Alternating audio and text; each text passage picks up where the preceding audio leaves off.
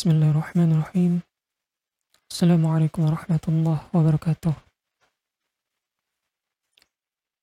Dunia tempat kita singgah. Dunia tempatnya kita lelah. Dan dunia ini adalah tempatnya kita akan mati kelak. Sungguh uh, Allah telah memberikan kita begitu banyak kenikmatan sampai saat ini sampai menit ini dan sampai detik ini. Dan kenikmatan-kenikmatan yang diberikannya itu terkadang kita abaikan begitu saja. Sungguh uh, merugilah diri kita sampai saat ini. Dan kita perlu tahu dosa-dosa yang kita pernah kita buat sejak kita memahami apa arti itu dosa maka sesungguhnya kita justru seseorang yang merugi. Kita ketahui bahwasannya itu dosa tapi kita tak melakukannya dosa zina, maksiat, dosa ghibah, dan dosa hal, dan dosa-dosa lainnya yang berkaitan dengan perbuatan tercela dan perbuatan yang enggak diridhoi Allah Subhanahu wa taala. Adapun kita semestinya sebagai manusia menghindari hal itu.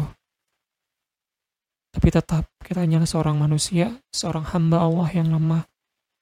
Begitu kuat kemauan kita untuk berubah, tapi sungguh nafsu ini sulit untuk dilawan. Dan sesungguhnya ketika kita melawan nafsu adalah itu bagian dari jihad yang terbesar bagi diri kita.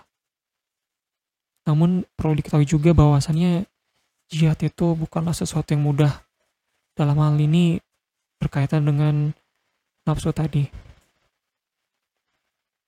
Nah, lantas apa yang kita lakukan? Kita ingin kita bersungguh-sungguh dalam beribadah, kita bersungguh-sungguh dalam memberikan ketaatan kita kepada Allah Subhanahu wa taala untuk apa? Agar kita bisa pulang dengan tenang, dengan nyaman seperti itu. Bayangkan saat ini kita begitu banyak dosa yang kita pikul dan mungkin dosa ini justru lebih berat daripada amal yang telah kita perbuat selama kita hidup di dunia ini. Bagaimana kita bisa pulang, bagaimana bagaimana kita bisa pergi ke surganya Allah sementara dosa kita begitu banyak gitu. Sungguh Allah sayang sekali dengan diri kita. Sungguh Allah begitu mencintai diri kita daripada hamba-hamba lainnya mencintai diri kita. Jadi sudah sepatutnya kita sebagai manusia saling mengingatkan sama satu satu sama lain, saling mengingatkan bahwasannya kebaikan itu harus tetap kita pertahankan dan keburukan atau kemaksiatan yang ada itu harus segera kita tinggalkan. Jangan sekali-sekali kita mendekatinya. Bismillah, semoga kita menjadi orang yang selalu dicintai oleh Allah Subhanahu wa taala. Sampai sini saya akhiri. Assalamualaikum warahmatullahi wabarakatuh.